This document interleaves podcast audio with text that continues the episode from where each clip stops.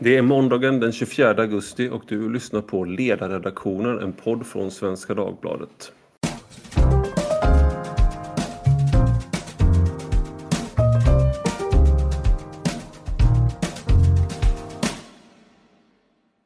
Jag heter Ivar Arpi och jag ska guida er igenom det här ämnet och det handlar om koranbränning för den provokative och islamfientliga Rasmus Paludan som är en dansk politiker enligt sig själv men han är framförallt en aktivist. Han har fått tillstånd att bränna Koranen i Malmö och eh, hans syfte är enligt sig själv att provocera fram våld från Malmös muslimer för att själv kunna framstå som yttrandefrihetens apostel och visa hur farliga muslimer är och hur farlig islam är. Och han har, gör det här tillsammans med eh, Dan Park som är en eh, konstnär som har dömts för hets mot folkgrupp. Eh, har varit eh, öppet stöttat Svenskarnas parti som var nazistiskt eh, som, men som nu inte längre finns kvar och han har gjort en hel del, det vill säga Dan Park och eh, Rasmus Paludan ska tillsammans bränna en koran. Och det här har skapat väldigt stor, skarpa reaktioner från, eh, från en del muslimer och det har också skapat skarpa reaktioner från andra. Och eh, till saken eh, hör då att man först fick avslag på sin ansökan om att eh, bränna Koranen utanför eh, eh en moské och nu ska man istället få göra det på Fridhemstorget i Malmö. Med mig för att prata om det här har jag Jakob Heidbrink som är docent i juridik på Göteborgs universitet. Välkommen! Tack så mycket!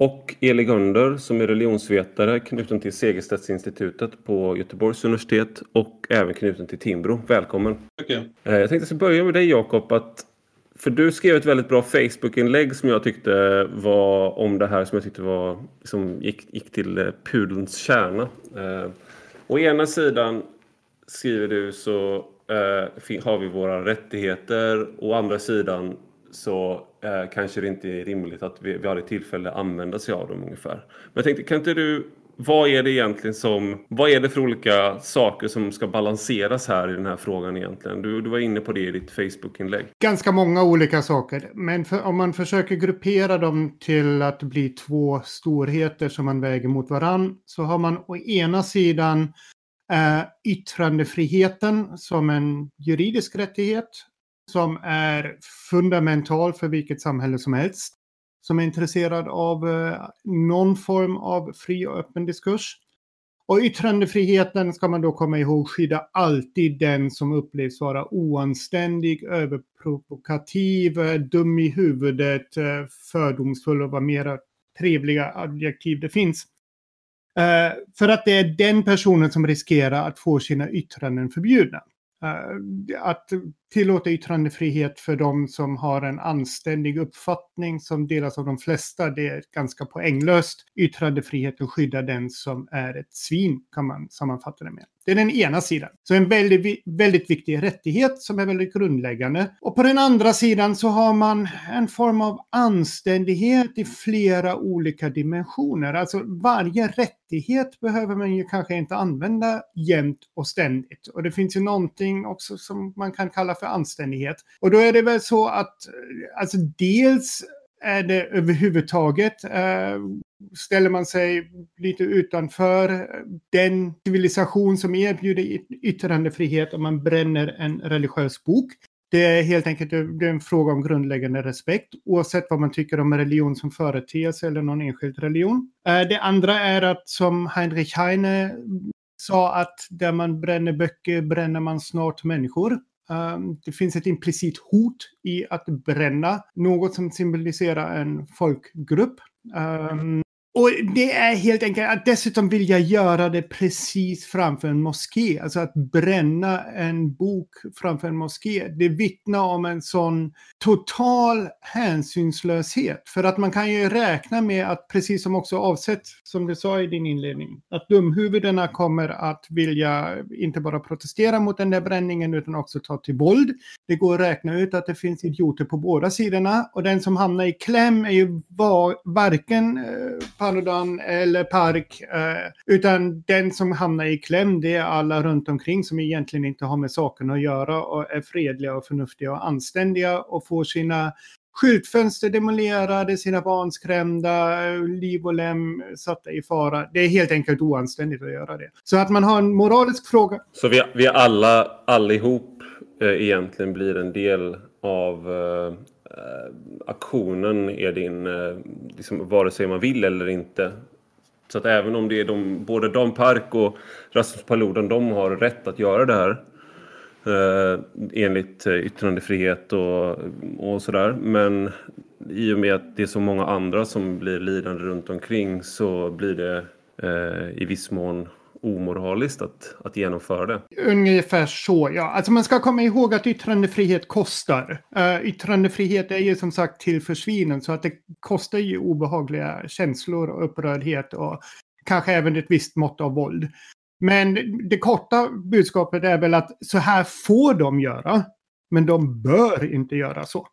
Alltså det ena är juridiska läget, så här är det och det juridiska läget är klart och det är viktigt att vi har det juridiska läget. Det andra är ren, ren och skär moralisk anständighet. Så här gör man inte, punkt. Jag tänkte fråga dig då Elis, som, som du skriver också väldigt intressant om, om just det här med koranbränningen i Malmö. Att du ser dig själv som någon form av yttrandefrihetsfundamentalist och du skriver så här. Jag tycker att människor ska få skända Toran, Bibeln och Koranen och jag föredrar att det görs offentligt. Därigenom tydliggörs det för mig vem som ställer sig vid sidan av det som är civiliserat och vår civilisation. Mm. Och då skulle jag bara tänka, väldigt intressant, för jag skulle vilja veta vad, på vilket sätt ställer man sig utanför eh, genom att man gör en sån här sak? Och vad blir konsekvensen av att ställa sig utanför civilisationen? Ja, alltså konsekvensen blir ju inte annat än att man vet om det. Eh, det har ju visat sig, inte minst i Danmark, nu minns jag inte vad den danska politikern heter, att hans ambitioner att nyttja de här muslim, den muslimfientliga retoriken och det sättet han beter sig på trodde ju han skulle leda till en plats i, i, i parlamentet, han skulle bli invald. Men han fick ju inte många röster så att genom sitt beteende eh, vi visade sig att han åtminstone i Danmark ställde sig vid sidan av det som kan anses vara ett civiliserat uttryck, alltså en legitim politisk hållning.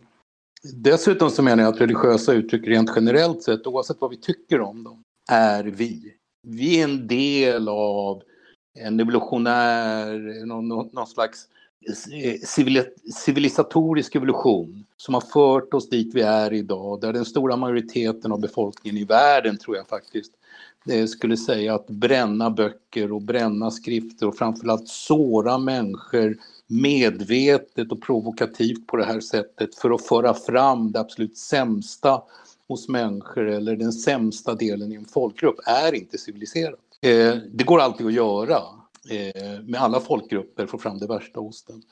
Och då menar jag att man på något sätt ställer sig vid sidan av de här grundläggande civiliserade eh, idéerna som finns i vad vi kan kalla för någon slags gemensam civilisation som vi finns i Oavsett vad vi tycker om de här olika uttrycken. Jag tycker inte man ska bränna Mein Kampf, jag tycker inte man ska bränna eh, en massa andra böcker. Jag har hela bokhyllan full med Said Qutbs texter som i min värld är en, total smörja. Men jag har dem där och jag läser dem och jag tycker att det är viktigt att ta del av det. Eh, och jag ser eh, hela idén om att liksom provocera fram, att göra människor illa medvetet. Det är inte en satir, det, det är bara dålig smak och ociviliserat. Kan du då, för, för du skriver som avslutning på ditt inlägg här att uh, detta är varken, inom parentes då, uh, detta är varken en diskussion om islam eller om Lars Vilks. Mm. Jag har haft hans rondellhund som profil, profilbild på Facebook och bilden finns ja. bland mina bilder för alla som vill se eller dela. Jag tänker, det där tror jag ändå är någonting, jag tror många ändå sätter just, han heter Rasmus Paludan och det, mm. han fick 1,8 procent i Folketingsvalet. Ja. Han kom inte in i Folketinget. Uh, men, men jag tänker det där ändå med Lars Vilks och rondellhunden. Kan du, skulle du kunna... På vilket sätt skiljer det sig åt enligt dig att bränna Koranen?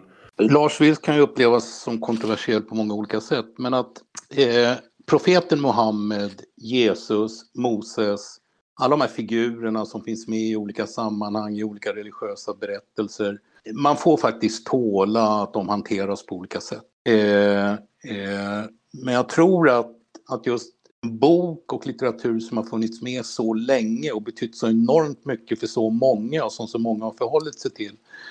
Hela syftet, jag vet inte vad Lars Vilks syfte var i det här fallet med just rondellhunden. Jag finns inte i hans hjärna. Eh, men det är lite som Charlie Hebdo också. De eh, satte ju hela tidningens eh, prestige på att just eh, eh gå emot eh, och håna och häckla och så vidare. Men det här är inte satir och det här har inget syfte att håna eller häckla. Det har syfte, precis som du uttryckt, att, att provocera fram våld. Och om eh, syftet är att provocera fram våld så, så, och bränna en bok dessutom så har jag svårt att se att det skulle vara en del av någon slags civilisation som jag vill vara en del av eller ens uppfattat som ett civiliserat beteende. Som jag minns, jag kan ha fel nu, jag har inte dubbelkollat, men Lars Vilks eh, från början, han, här går inte att uttala sig om han hade något annat motiv än det här, det vet jag inte, men att det började som en utmaning från eh, en konstnärlig utmaning något kon, alltså där man skulle hitta någon typ av eh, provokation. Alltså att man skulle utmana tabun inom konsten för att se om det fanns mm. några kvar. Mm. Och det var då han kom på rondellhunden för att det var då var det så här rondell... Eh, eh det var ju så rondellkonst och sånt just då i början mm. 00-talet. Och det var i det sammanhanget han kom på det. Man kan ju säga att han lyckades delvis med att uppenbara ett, ett tabu. Eh, men, och det, ja. Jag kan inte uttala mig om, om det fanns att han hade ett längre liksom, motiv eller liksom, över tid mot med det där. Men det är ju i alla fall ändå, kontexten blir ju en annan. Eh, frågan är om Rasmus, om Rasmus Paludan var en konstnär. Om, det hade var, om, det hade, om den inramningen hade var, gjort det annorlunda och det här var en del av hans performancekonst. Om det hade i så fall, för, för det blir ju någonting, jag undrar bara rent, alltså om han, nu är han, ju, är han ju politiker också. Även om han då, han har stram, stram kurs heter hans parti. Men det är ju liksom inte riktigt, deras program är att förbjuda islam och deportera muslimer ungefär. Mm. Eh, vad säger du Jakob? Ja, och där, ja, alltså jag tycker att det finns en intressant glidning där eh, överhuvudtaget i hela den debatten. Alltså det ena är islam som någon form av hyfsat sammanhängande doktrinär modell för att tänka. Och det andra är muslimer. Och jag tycker att det är två olika kategorier som här inte hålls isär. Alltså det ena är um, jag, alltså, jag är inte medlem i någon kyrka. Jag är ateist, har varit det sedan jag kan tänka själv. Um, jag, liksom, för mig är himlen tom och det finns inget efterliv. Men visst 17 är jag kristen till min kultur. Um, och jag skulle också som, som svensk med tyska rötter skulle jag, jag skulle ta illa vid mig om någon ställde sig och publikt och med annonserat brände Goethe eller Schiller framför tyska församlingen i, i Stockholm. Jag skulle känna mig personligen hotad. Och den här, den här sammanslagningen av islam och muslimer som Paludan håller på med, den tycker jag någonstans är farlig. Alltså om han skulle häckla islam och fundamentalister, om det var hans syfte, så ska det vara en sak. Men syftet är ju mot bakgrund också av hans parti vidare och rikta sig mot alla muslimer. Och alltså, jag har personliga bekanta och vänner som är uppvuxna, födda och uppvuxna i muslimska länder. Har kommit hit, är det numera ateister av samma beskrivning som vilken majoritetssvensk som helst. Men naturligtvis är de till sin kultur muslimer och naturligtvis tar de illa upp när någon dansk kommer till Sverige, bränner Koranen. Med, och då just med den här glidningen, det är inte islamkritik utan det är ut med muslimer och det är två väldigt olika saker. Den glidningen tycker jag också innebär att detta inte är så enkelt att få in under yttrandefriheten enbart utan där får det hela en ganska viktig moralisk dimension. Jag tycker det Jakob säger är, är väldigt intressant. Jag håller med honom just det där. Jag, ju, jag är inte heller religiös i något avseende överhuvudtaget. Men jag tycker ändå att religion, oavsett vilken religion det är, innan vi fick eh, så att säga, upplysta och sekulära samhällen och så vidare så fyllde religionen viktiga funktioner både socialt, utbildningsmässigt, det byggde samhällen. Man kan tycka vad man vill om det religionen har gjort men någonstans så har de här olika religiösa uttrycken i form av konst och musik och, och tänkande och så vidare bidragit till väldigt mycket som, som man kan tycka mer eller mindre om. Och i det här fallet på det sättet som det görs så riktas ju det här eh, både till att man helt och hållet förkastar eller tycks ha en viss uppfattning om vad islam är rent generellt men samtidigt det här liksom att kila in sig på ett kollektiv på det här sättet. Eh, eh, och, och, och bestämma sig för att den här, hela den här gruppen vill man medvetet såra med de idéer man har. Jag tycker det är väldigt allvarligt. Det finns en, jag vet inte om det är samma sak, men det är nästan samma sak men ändå inte. På 70-talet, i slutet på 70-talet, så ville nazister i USA eh, demonstrera i ett litet samhälle som heter Skokie i Illinois. Eh, och det ville man därför att där bodde det väldigt, där fanns det en väldigt stor gruppering av judar som överlevt förintelsen. Eh, efter mycket om och men så fick de demonstrera men inte i det här samhället. Det finns ju inget annat syfte med en sån demonstration än att göra människor illa.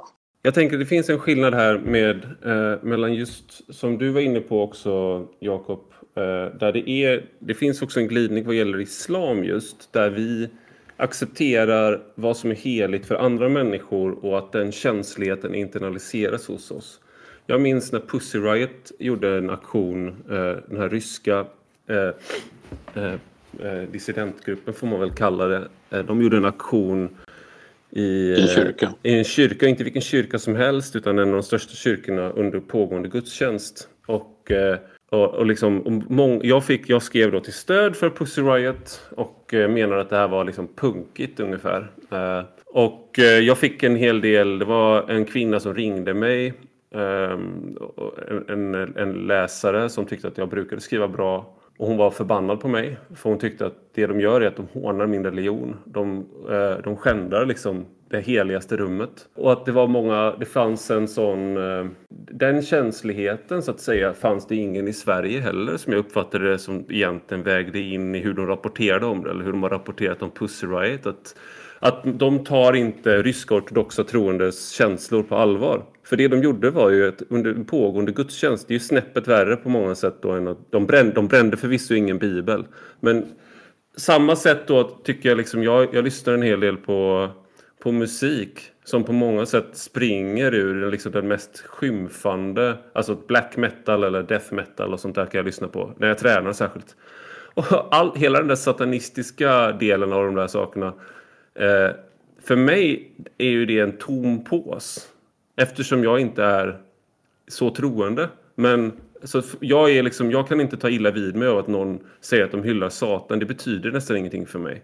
För det, det är ingen laddning för mig. Men för kristna människor som är troende så är, finns den laddningen. Men det är ingenting som vi är beredda att acceptera.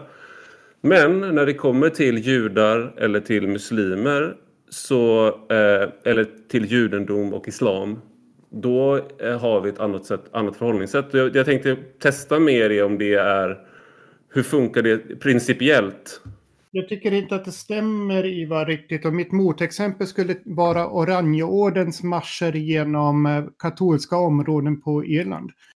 Um, det är samma in your face suckers. Um, som, alltså visst, alltså, liksom, är, man, är man så stolt protestant på Nordirland att man vill gå med i Oranjeorden, varsågod, liksom, det omfattas av yttrandefriheten. Men ska ni på årsdagen av det största katolska nederlaget behöva inte bara strö utan verkligen gnugga in salt i såren hos den katolska befolkningen. Och där brukar de flesta svenskar också tycka att nja, det är väl kanske onödigt att göra så här.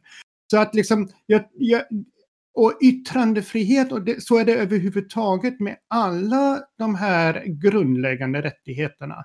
De, de, är ju inte, de behandlas allt mer som om de vore fristående storheter. Jag har rätt till och jag behöver inte bry mig om någon annan. Tittar man på tillkomsthistorien och tittar man i synnerhet på det idéhistoriska klimatet runt den tid då de för första gången tecknades ner i USA och i Frankrike. Så spelar de mot en bakgrund av någon form av allmänborgerlig anständighet. Alltså Tittar man på grundlagsfäderna i USA, deras skrifter, tittar man på Adam Smith, Theory of Moral Sentiment, även Jean-Jacques Rousseau men, och, och många andra som skrivit om rättigheter.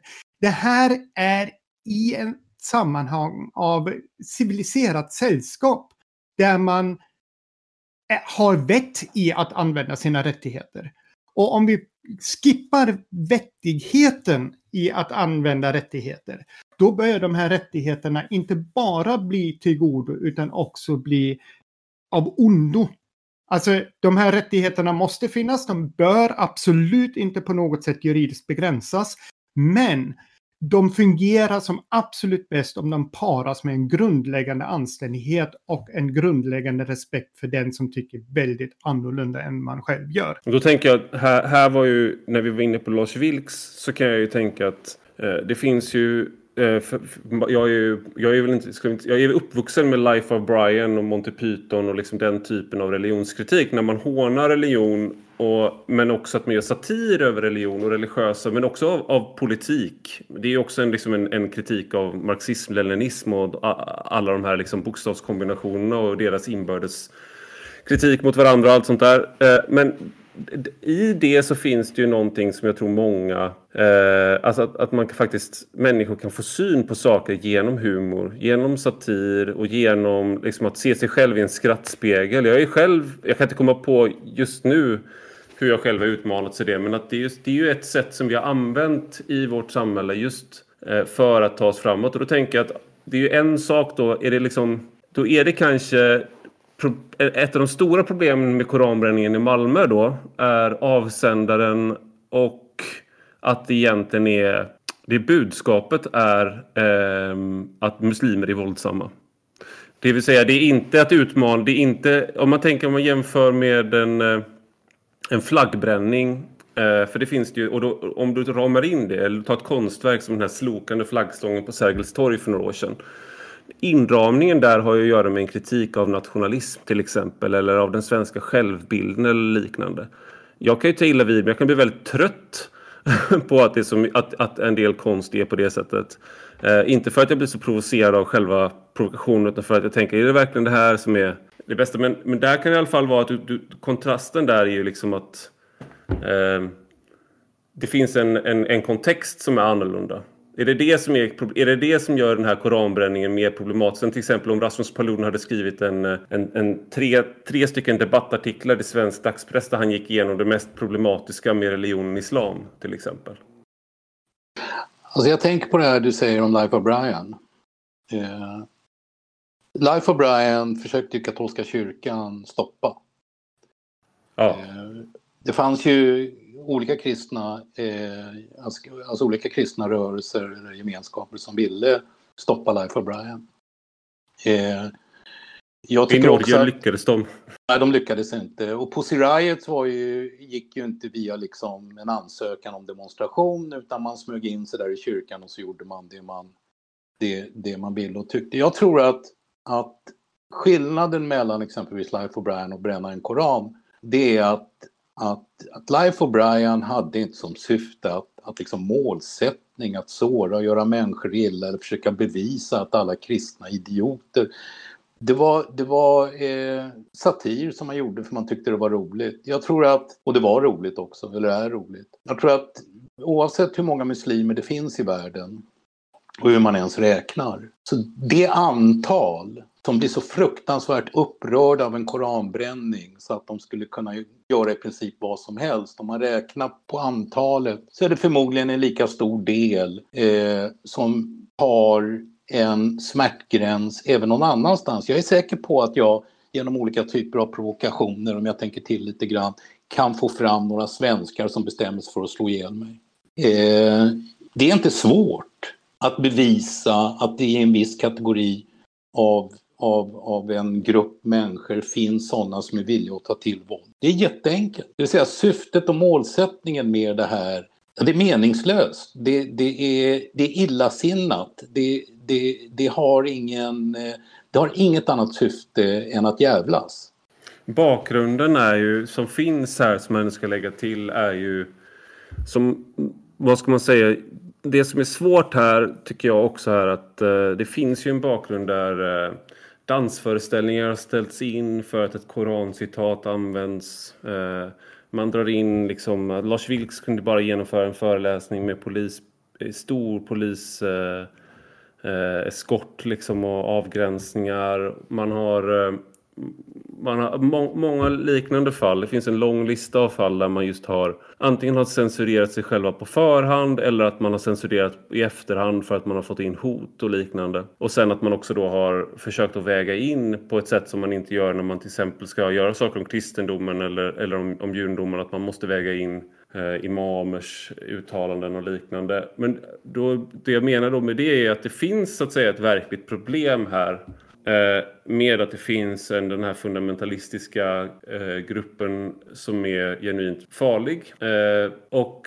så att när, när man då, när Rasmus Paludan gör det här så är risken att, så att säga, om han lyckas med den här provokationen så lyckas han ju bevisa, då kommer fler människor att lyckas tycka att han kanske har bevisat någonting. För att det, det här underliggande problemet kan ju finnas där även om det han gör eh, är en plump provokation det, men jag, jag, jag, håller inte med hela ditt resonemang. Okay. Därför att i Sverige har vi hela tiden bevis på att det finns i Sverige människor som är villiga att ta till våld, utvisa människor, bränna, sparka, förstöra, mörda utan att de ens blir provocerade. Vi har nazistmarscher mitt i Stockholm och de har inte ens blivit provocerade.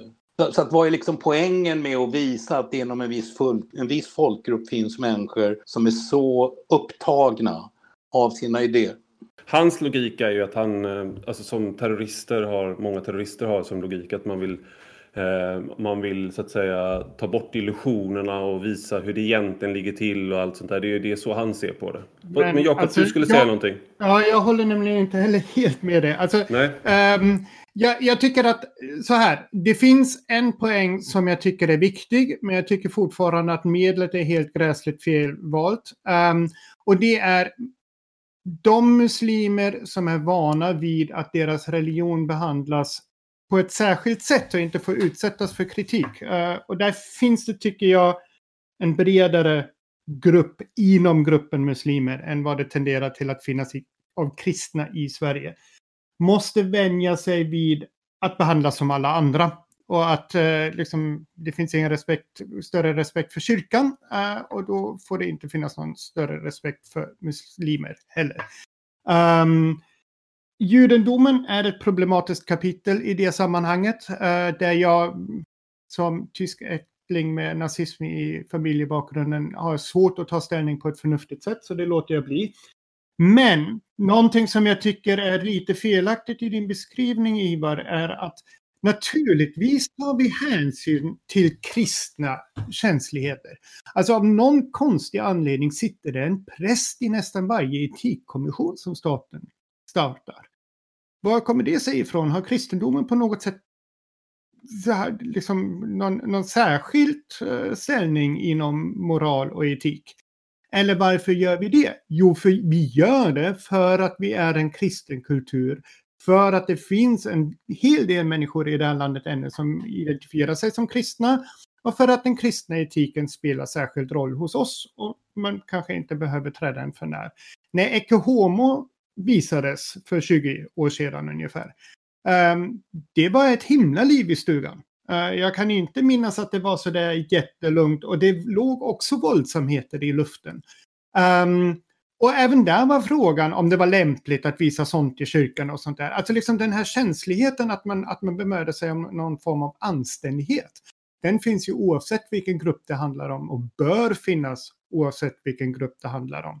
Att sedan den muslimska gruppen kanske har, eftersom den är ny i Europa, har ett större behov av att lära sig hur gräsligt och respektlöst vi behandlar olika grupper är en, är en annan femma. Men det behöver man inte visa. Alltså, och det var också en sån där poäng apropå Life of Brian. Life of Brian bygger på kunskap. Life of Brian bygger om ganska djup kunskap om både Bibeln, dess berättelser, um, faktiskt... Historiska sammanhang. Historiska sammanhang och så vidare. En koranbränning bygger inte på kunskap och jag skulle verkligen vilja veta vad Paludan egentligen kan om och i Koranen. Jag tror inte att det är mycket. Uh, för att min erfarenhet att är att de mest rabiata muslimkritikerna och islamkritikerna vet väldigt, väldigt lite om islam som religion egentligen. Eh, så att där haltar jämförelsen med Life of Brian. Life of Brian var en kritik inifrån. Det här är en affront eh, utifrån. Det är en skillnad mellan de två sakerna tycker jag. Jag tänker med det här med, med Ecce Homo är intressant just för att Elisabeth Olsson Wallin hon eh eh, har ju, i hennes utställning som hon, som hon, eh, en utställning hon har gjort under några år eh, så har säkerhetschefer eh, behövt granska innehållet för att se om allting kan vara med. Och när hon ställde ut eh, på Världskulturmuseet i Göteborg 2010 så plockades eh, en av bilderna bort mot hennes vilja och den föreställer då tre homosexuella män på en bönematta. Eh, och det togs bort för att det kunde uppfattas som en Mohammed-karikatyr. Och polisen och Säpo kopplades in och sådär. Det finns ju någonting här, eh, men jag, jag, tror inte att vi kommer reda ut det här, här idag. Men jag tycker att det är en, eh, jag tror att det kan vara viktigt just att komma ihåg att Eh, eh, det är en skillnad på att om du som konstnär, till exempel som Elisabeth Olsson Wallin, eh, utmanar Eh, fundamentalister inom religionen i deras syn på homosexualitet och visar att Gud, så att säga, om man, om man ska tänka från en religiös persons synvinkel, liksom att, som är homovänlig då, eller hbtq-vänlig, att man tänker att ja, men Gud skapade även homosexuella, de bör finnas här, nu visar jag med hjälp av min konst så visar jag utmana de föreställningarna om det här till exempel. Folk kan inte upp men det, det, är ett sätt att försöka vidga toleransen för det här till exempel. Eh, det är en annan sak än då att vara som en politiker eller politisk aktivist försöka mobilisera till våld eh, med hjälp av en, en aktion. Även om konsekvenserna av båda sakerna kan likna varandra i sin eh, då och då. Men det är avsikten och, liksom, och inramningen och det man gör spelar roll. Skulle jag, skulle jag hävda här. Uh, nej, men alltså det, det, det sista som du sa Ivar, det, det, det kan jag hålla med om. Att, uh, alltså, som sagt, det, det är skillnad mellan kritik inifrån där, man, där någon som, som är väl förtrogen med de kristna berättelserna säger men vänta ett ögonblick, om jag sätter in en homosexuell eller transperson här så börjar ni tycka att det är konstigt.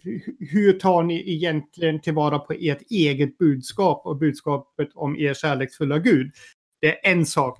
Det andra är att komma utifrån och säga att ni är svin allihopa och jag provocerar er till våld med syfte att alla som på något sätt är uppvuxna eller bekänner sig till islam ska utvisas från västeuropeiska länder. Jag tycker att det är två olika saker. Och återigen, vi, nu, vi är på ett moraliskt plan för att juridiskt är det glasklart, tycker jag, både hur det är och hur det ska vara.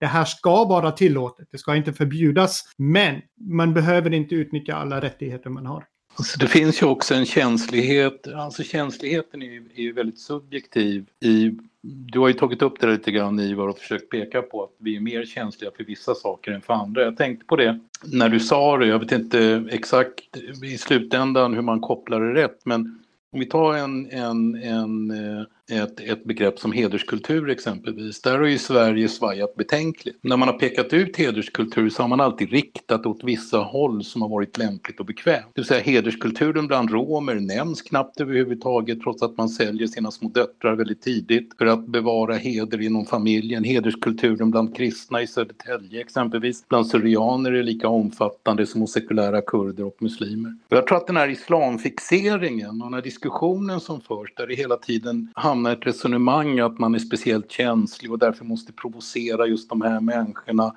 och just de här människorna är speciellt problematiska och speciellt farliga i sina uttryck. Jag tror att det är, är, är ett resultat av av, av någonting som inte riktigt överensstämmer med verkligheten överhuvudtaget. De här, när man tittar på hur många människor som var engagerade i demonstrationerna efter, efter Mohammed-karikatyrerna, när man har gått igenom det, så är det liksom samma människor som dyker upp på samma demonstrationer hela tiden.